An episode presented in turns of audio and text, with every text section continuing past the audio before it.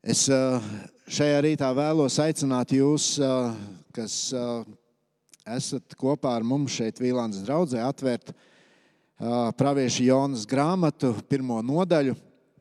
Bet pirms mēs kādus pantus no tās lasām, es vēlos iesākt ar kādu stāstu, kurš mani nejauši atrada kādas dienas atpakaļ, kad uh, domāju par šo svētdienu, par uh, šo svētdienu. Un, uh, es, protams, nezinu, vai cik šis stāsts ir patiess, bet uh,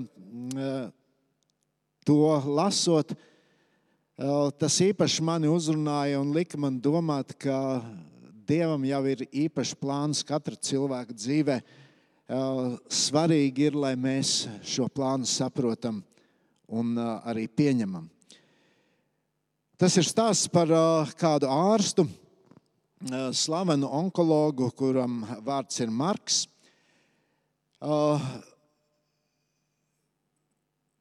Viņš no slimnīcas, kur viņš praktizēja, no pilsētas, kurā viņš dzīvoja, devās uz kādu svarīgu konferenci citā pilsētā kur uh, viņam bija jāuzstājas ar runu un uh, jāsaņem arī uh, kāda balva par sasniegumiem medicīnā. Viņš devās uz lidostu, iekāpa lidmašīnā, bet neilgi pēc pacelšanās notika piespiedu nosēšanās kādā citā lidlaukā. Eh, kas vēl bija diezgan tālu no tās vietas, kur eh, notika konference. Eh, bet priekš viņa tā bija svarīga lieta tur būt. Viņš noīrēja automašīnu un devās ar mašīnu uz konferenci. Laiks bija diezgan slikts, un tas pa ceļam vēl pasliktinājās. Sākās spēcīga vētra, lietus gāzes, un pēkšņi arī pārtrūka šis signāls navigatorā. Un, un, droši vien šis ārsts nogriezās kaut kur ne tā, kā vajag, un beigu beigās viņš apmaldījās. Pēc vairāku stundu brauciena viņš saprata, ka nav kaut kas kārtībā. Un, Visapkārt zibeņoja un, un lietus lija un uh, bija ļoti grūti braukt. Viņš jau bija pārgurs. Un uh, tad viņš šajā tumsā ieraudzīja kādu nelielu mājiņu, turpat netālu no ceļa, un uh, nolēma tomēr iet un meklēt palīdzību.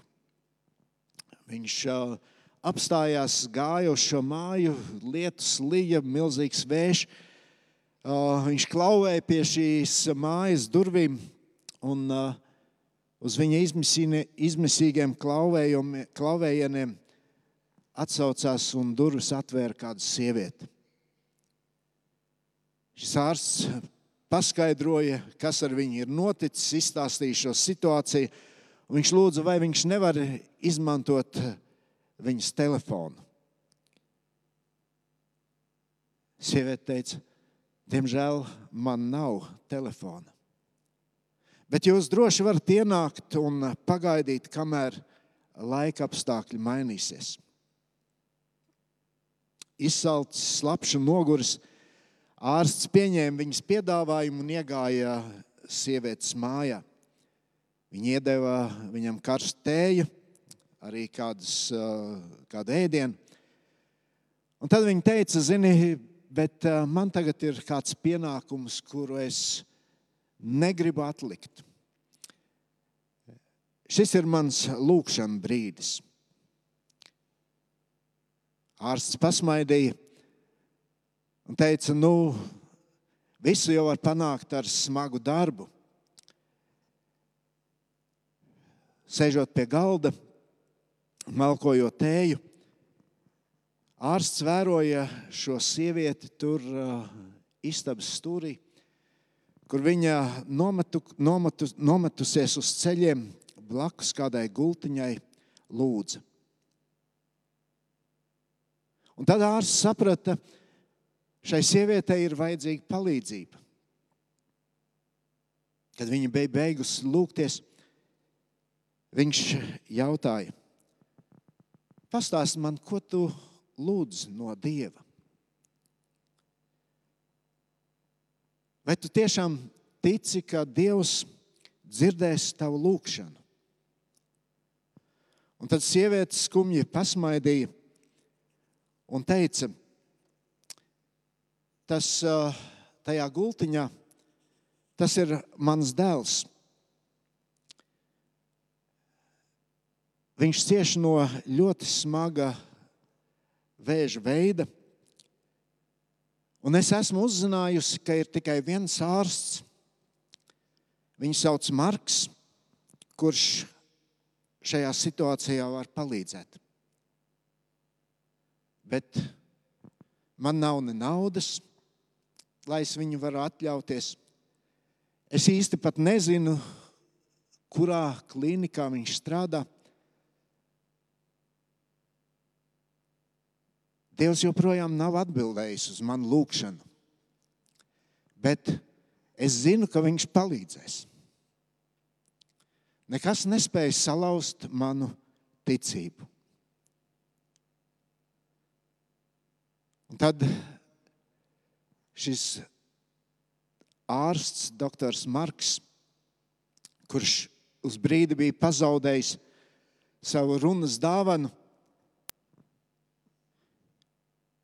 par viņa acīm ritēja asaras, un viņš varēja tikai čukstēt, cik Dievs ir labs. Viņš atcerējās visu, kas ar viņu šajā dienā bija noticis. Šis neveiksmīgais lidojums, šī vētra, lietus, kas lika viņam nomaldīties.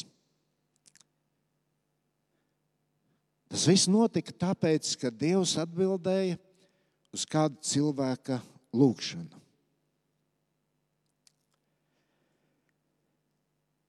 Es aicinu, ka mēs atgriežamies pie Jonas grāmatas. Tā ir grāmata par uh, Jonu.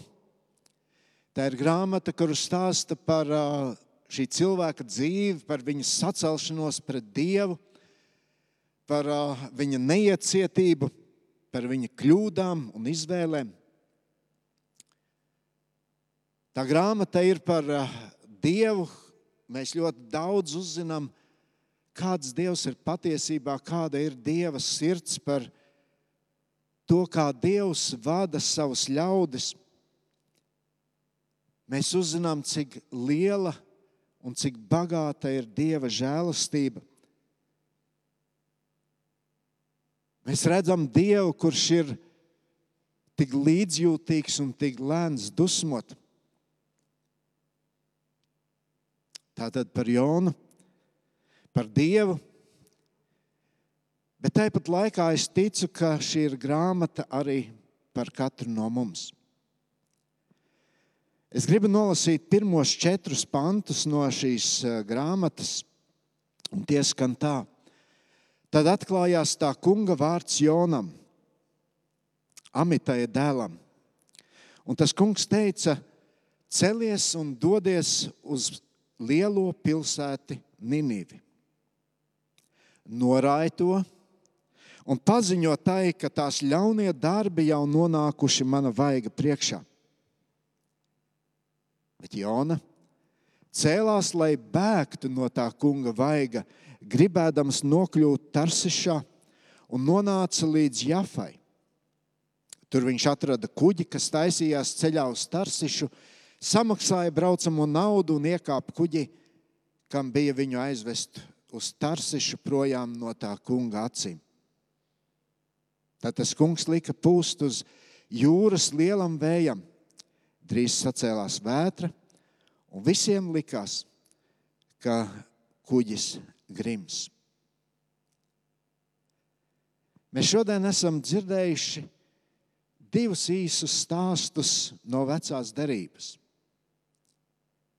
Ievadā mēs lasījām, pravieša Iesaijas stāstu un tagad Jonas stāstu.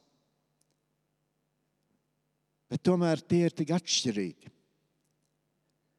Tad, kad Dievs aicināja Iesaju, tad Iesaja viņam atbild: Te es esmu, kungs, sūti mani.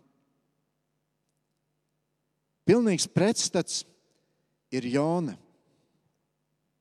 Jona saka, šeit es esmu kungs, bet sūti kādu citu. Un, kad mēs skatāmies uz šiem pantiem, ko nolasīja no Jonas grāmatas, tad uh, tur mēs redzam šo Jonas uzdevumu. Tur mēs uh, ieraugam Jonas nepaklausību, un tur mēs redzam arī šīs nepaklausības sekas.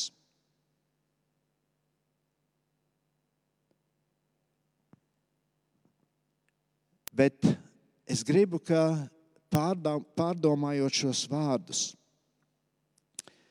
lai mēs ieraudzītu to ļoti svarīgo domu. Kāpēc arī Dievs mums dod uzdevumu? Kā, kāpēc Dievs arī mani un tevi sūta? Un tā svarīgā lieta ir, ka Dievs rūpējas par visiem cilvēkiem.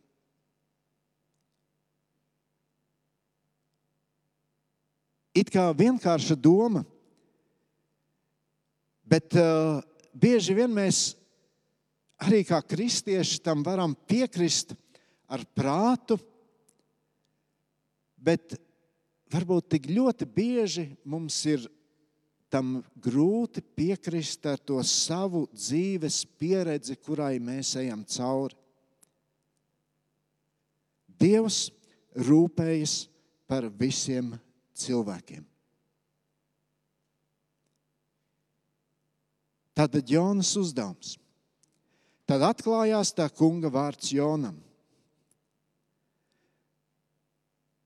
Nezinu, vai jūs to zinājāt, bet es pameklēju, ko nozīmē vārds Jona. Burtiski, burtiski tulkojot šo vārdu, tas nozīmē balodis. Un tad, kad es skatos uz Jonas dzīvi un uh, lasu šo Jonas grāmatu, tad uh, es gribu teikt, tā ir sava veida ironija. Jo Jonas uzvedība, raksturs atbilda, man liekas, kaut kam citam.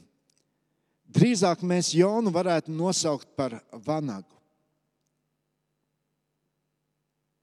Jona bija vairāk ieinteresēts tajā, lai eh, asīrieši un Ninevis, Ninevis iedzīvotāji saņemtu dieva sodu, nevis atgrieztos. Un kā mēs lasot tālāk šo grāmatu, varam arī ieraudzīt, ka patiesībā Jona cerēja, ka šie cilvēki saņems viņa prāt tik ļoti pelnīto sodu.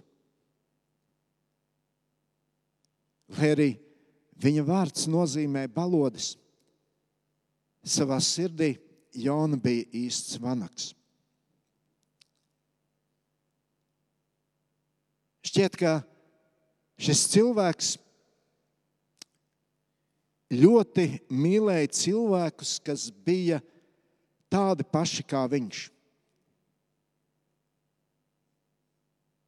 Jona tik ļoti mīlēja sevi pašu. Ir vēl kāds cits pravietojums, ko Dievs uztic Jonam, un viņš sūta, un tas ir aprakstīts jau otrajā ķēniņa grāmatā, 14. nodaļā, no 23. līdz 27. pantam. Tur ir brīdis, kad uh, Izraēla tauta ir grimusi laulības pārkāpšanā un netiklībā. Tur ir ķēniņš Jerabāms otrais. Viņš vadīja savu tautu grēkā, pats dzīvoja grēkā. Tomēr Dievs deva apsolījumu, ka Izraēla robežas, kuras ir samazinātas šajos nemitīgajos karos ar ienaidniekiem, ka šīs robežas tika atjaunotas. Citiem vārdiem sakot, šajā pirmajā pravietojumā, ko Jona nodeva tautai, ir skaidri redzams, ka Dievs parāda žēlastību pat tiem, kas to nav pelnījuši. Izraēla tauta nebija pelnījusi, ka viņu robežas tika, at, tiktu atjaunotas. Tomēr Dievs savā žēlastībā to viņiem ļāva piedzīvot. Šajā gadījumā Jonam šī vēsts šķita laba un patīkama. Galu galā šī vēsts attiecas uz viņu un viņa tautas brāļiem. Bet tad ir šis cits gadījums, kur runa ir par citiem cilvēkiem, un tad Jonas nostāja mainās. Vai tev nav pazīstama šī cīņa? Vai tu to savā dzīvē arī neesi piedzīvojis? Mēs esam tik pārliecināti, ka Dievs savu žēlastību parādīs man. Bet, kad ir runa par citiem, kur ir mums apkārt, tad mēs kaut kur savā sirdī tomēr sākam šaubīties.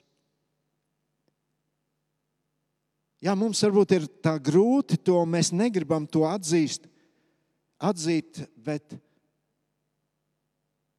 tas ir tas, kā mēs bieži vien domājam. Jonam atklājās tā kunga vārds, un es varu iztēloties, kā viņš savā sirdī priecājas un teica, yes, vēl viens labs uzdevums, vēl viens pravietojums, ko man nodot, nodot savai tautai. Iepriekšējais bija piepildījies. Izraēla robežas tika atjaunotas.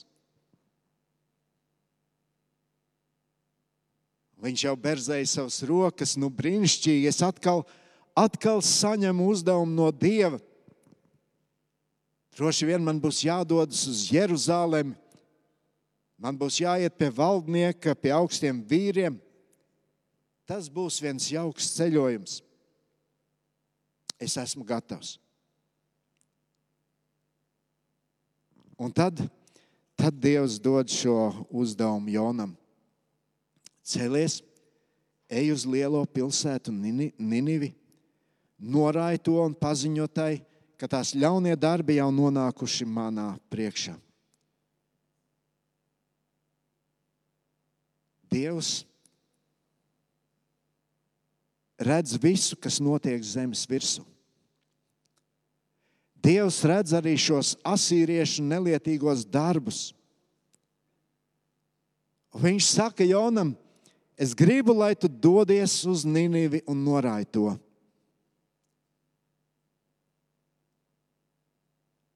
Kas notiek?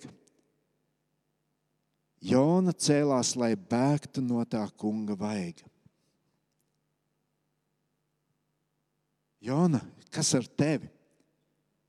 Kāpēc tev tāda reakcija, kāpēc tu bēdz?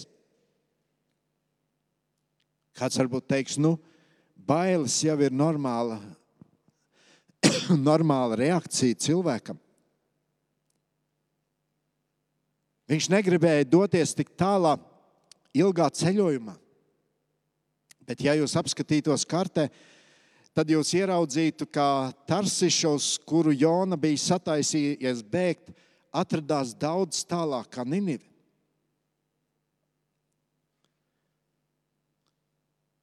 Kāds varbūt domā, nu, Jona nobijās no šiem cilvēkiem, no šīs pilsētas, no šīs reakcijas, kādu varētu piedzīvot no asīriešiem. Mēs varam tikai iztēloties to skatu, kā Jona tur uh, dodas un uh, nostājas pie šiem augstiem mūriem un sauc, ej, jūs tur Ninevē. Ja jūs nemainīsiet savu dzīvi, jūsu pilsēta tiks iznīcināta. Kāds varbūt domā, Jona vienkārši nobijās par savu dzīvību. Viņš nobijos, nobijās par to, kā tas varētu ietekmēt viņa turpmāko dzīvi. Bet, ja mēs lasām Jonas grāmatu, tad uh, mēs ieraugām, ka tam nebija nekāda sakara ar to, kas notika ar Jonu. 4. pantā pats Jona atklāja, 4. nodaļā pats Jona atklāja, kāds tad bija šis īstais iemesls, kāpēc viņš negribēja doties uz Ninivi. Jona bija tik ļoti noraizējies par to, ka Dievs varētu parādīt žēlastību pret niniviešiem. Viņš bija satraucies par to, ka šie cilvēki varētu nožēlot savus uh, grēkus, griezties pie Dieva. Un ka šī pagāna tauta, šie, šie bezdievīgie cilvēki, ka tos Dievs varētu pieņemt savā ģimenē.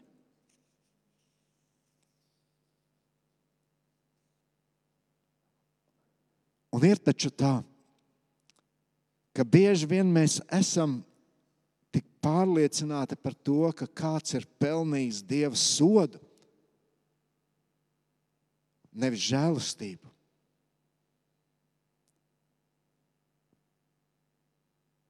Tik bieži mūsu attieksme pret kādiem cilvēkiem šodien arī ir nosodoša, nevis pilna žēlastības. Bet Dieva žēlastība ir tik liela, ka tā var pārmainīt pat visrūdītāko grēcinieku. Un tā pacietība un mīlestība, ko mēs no Dieva saņemam ikdienas nepelnīti, tā nepieder tikai mums. Lūk, te ir uzdevums, ko Dievs dod mums katram. Dod to tālāk. Vai atceries, ko Jēzus teica? Un tie ir vārdi no lielās pavēles, ko viņš mums atstāja. Mēs tos lasām Marka evanģēlijā, 16. nodaļā. Ejiet pa visu pasauli, sludiniet evanģēliju visām tautām. Šodienas laikā kad eh, liekas, pasaule mums ir tuvāk nekā jebkad agrāk. Tu vari aizbraukt uz otru pasaules galu, tu vari uzrunāt cilvēkus ar uh, internetu starpniecību. Katram ir nepieciešams dzirdēt evaņģēliju, jo tikai tas ir spējīgs mainīt dzīvi.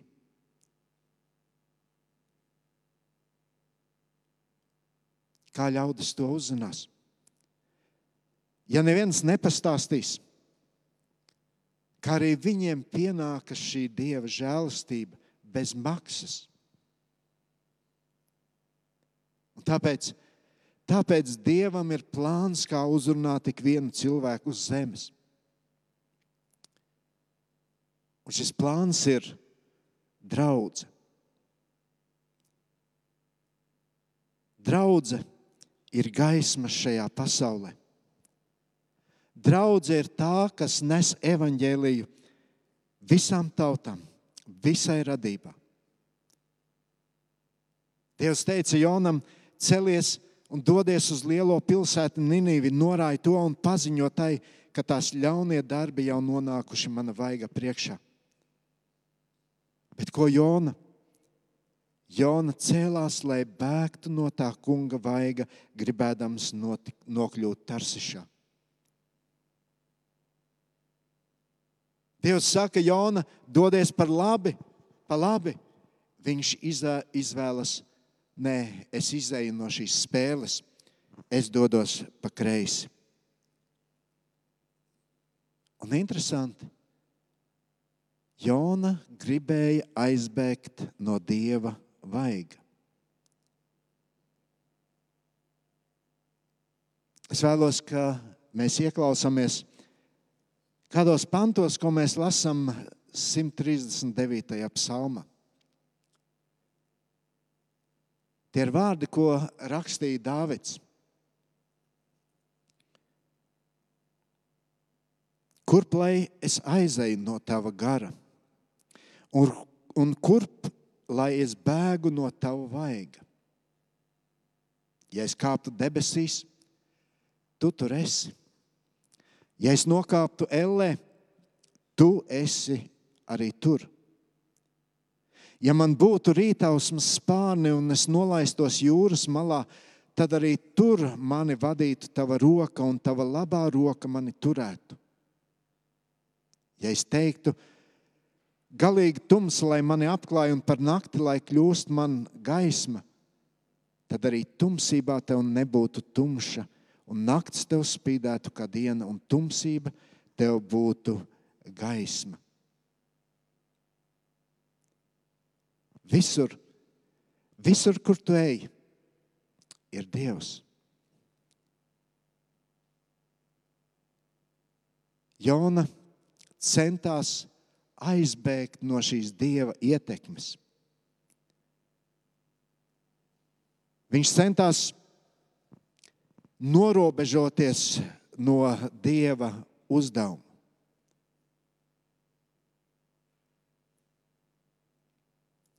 Atcerieties Ādamu un Ievu. Viņi pārkāpa Dieva likumu. Un ir vakars, un Dievs pastaigājas pa dārzu un meklē abus cilvēkus, bet viņi slēpjas no tā kunga vaiga. Slēpjas starp kokiem. Protams, protams, viņi zināja, ka Dievs ir visur. Bet vienalga, viņi vēlējās izvairīties no viņa, atkāpties no dieva. Tieši to pašu vēlējās arī Jona. Bet zīmīgi, ka Dievs nebija ar mieru, viņi vienkārši tā palaist. Jona cēlās, lai bēgtu no tā kunga vaiga. Viņš izvēlējās bēgt no Dieva klātbūtnes.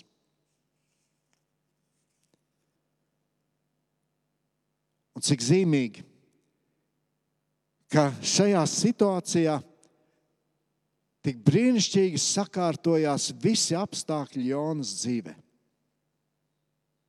Viņš grib bēgt. Viņš grib doties uz Jafu. Viņa plāns ir tālāk doties uz Tarsišu ar lielo tirgotāju kuģi. Interesanti, ka nonākot Jāfā, kuģis stāv ostā.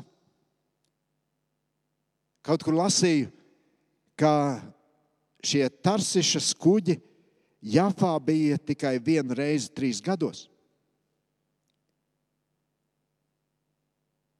Interesanti. Protams, Jonam bija jāmaksā ceļu nauda, un tā nebija maza nauda. Bet viņam šī naudas summa bija kabatā vai somā. Viņš samaksā par ceļojumu. Un šķiet, viss ir sakārtots tā, lai šis Jonas plāns izdotos. Bet tās nav vienkārši sakritības. Katrā ziņā tās nav sakritības Dievam. Un tāpēc tas mums liek domāt par to, ka mēs nevaram vienmēr balstīties tikai uz apstākļu sakritību, lai pieņemtu kādu lēmumu, domājot, nu, Dievs jau ir manā pusē, redz, kā viss iet tā kā pa diedziņu. Tas vien, kas sakrīt, visi apstākļi, nenozīmē, ka mūsu izvēlētais ceļš ir īstais. Iedomājies, kā jutās Jona, kurš ir samaksājis par ceļojumu, uzklājis, uzkāpis uz kuģa klāja. Tur viņš elpos svaigo vidusjūras gaisu. Apkārt ir vismierīgi un klusi.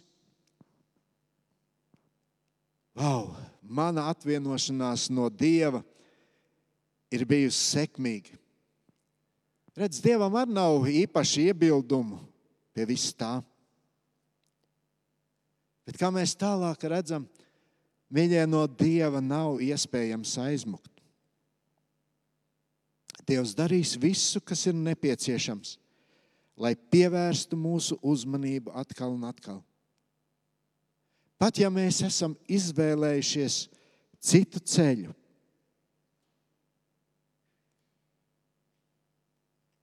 mēs nekad nenonāksim tik tālu, lai Dieva roka mūs nevarētu tur aizsniegt. Tāpēc es šajā rītā katram no jums, gribu, katru no jums gribu aicināt padomāt par savu dzīvi. Un par to domājot, uzdot sev jautājumu, kas es esmu? Jona vai Jesaja? Vai es esmu Jona un domāju, ka gan jau Dievs manā vietā sūtīs kādu citu?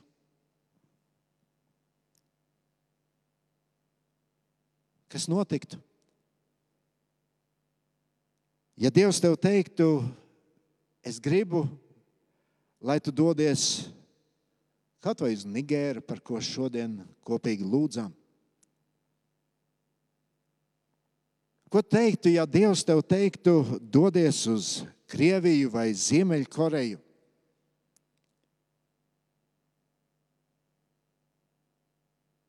Ok, padomāsim tuvāk. Ko teiktu, ja Dievs tev liek iet pie sava kaimiņa? Kurš nav tas patīkamākais cilvēks, un stāstīt viņam par Dieva žēlastību. Ja nu Dievs tev liek doties pie kāda, kurš ir pavisam citādāks nekā tu, vai tu šodien teiktu, Dievs, šeit es esmu, sūti mani? Vai tu, tāpat kā Jona teiktu, ak, Dievs, labāk lieto kādu citu? Mēs lūgsim Dievu. Kungs, es tev pateicos par tavu brīnišķīgo vārdu. Paldies arī par šiem vīriem, kur ir kā piemērs mums mūsu dzīvē. Bet tāpat laikā mēs negribam, ka tas ir tikai kāds stāsts par kādiem cilvēkiem, bet eh, mēs gribam lūgt, lai tu mums katram kalpotu caur šiem stāstiem. Lai eh, mēs ieraugām to, ko tu vēlies mums iemācīt caur šo cilvēku dzīvēm. Un mēs visi šajā brīdī stāvam tavā priekšā. Neviens no mums. Mēs nevaram nekur paslēpties. Un ja Dievs, tu mums šajā brīdī dod uzdevumu Un jā, arī tas mums liekas tik nepatīkams. Kaut mēs visā pazemībā tomēr spētu to pieņemt un iet un darīt. Mēs lūdzam, lai arī šis adventa laiks, kurā dzīvojam, lai tas ļautu mums atvērt acis un ieraudzīt savus līdzcilvēkus. kad mēs tuvojoties šiem brīnišķīgajiem svētkiem, kad priecāsimies par Kristus nākšanu šajā pasaulē. Lai mēs apzinātos, ka tā ir viena brīnišķīga vēsts, ko mēs varam pasludināt ikvienam. Uz to mēs arī esam aicināti. Un tāpēc palīdzi mums to darīt. Sūti mani, sūti mūs. To Jēzus vārdā mēs lūdzam. Āmen!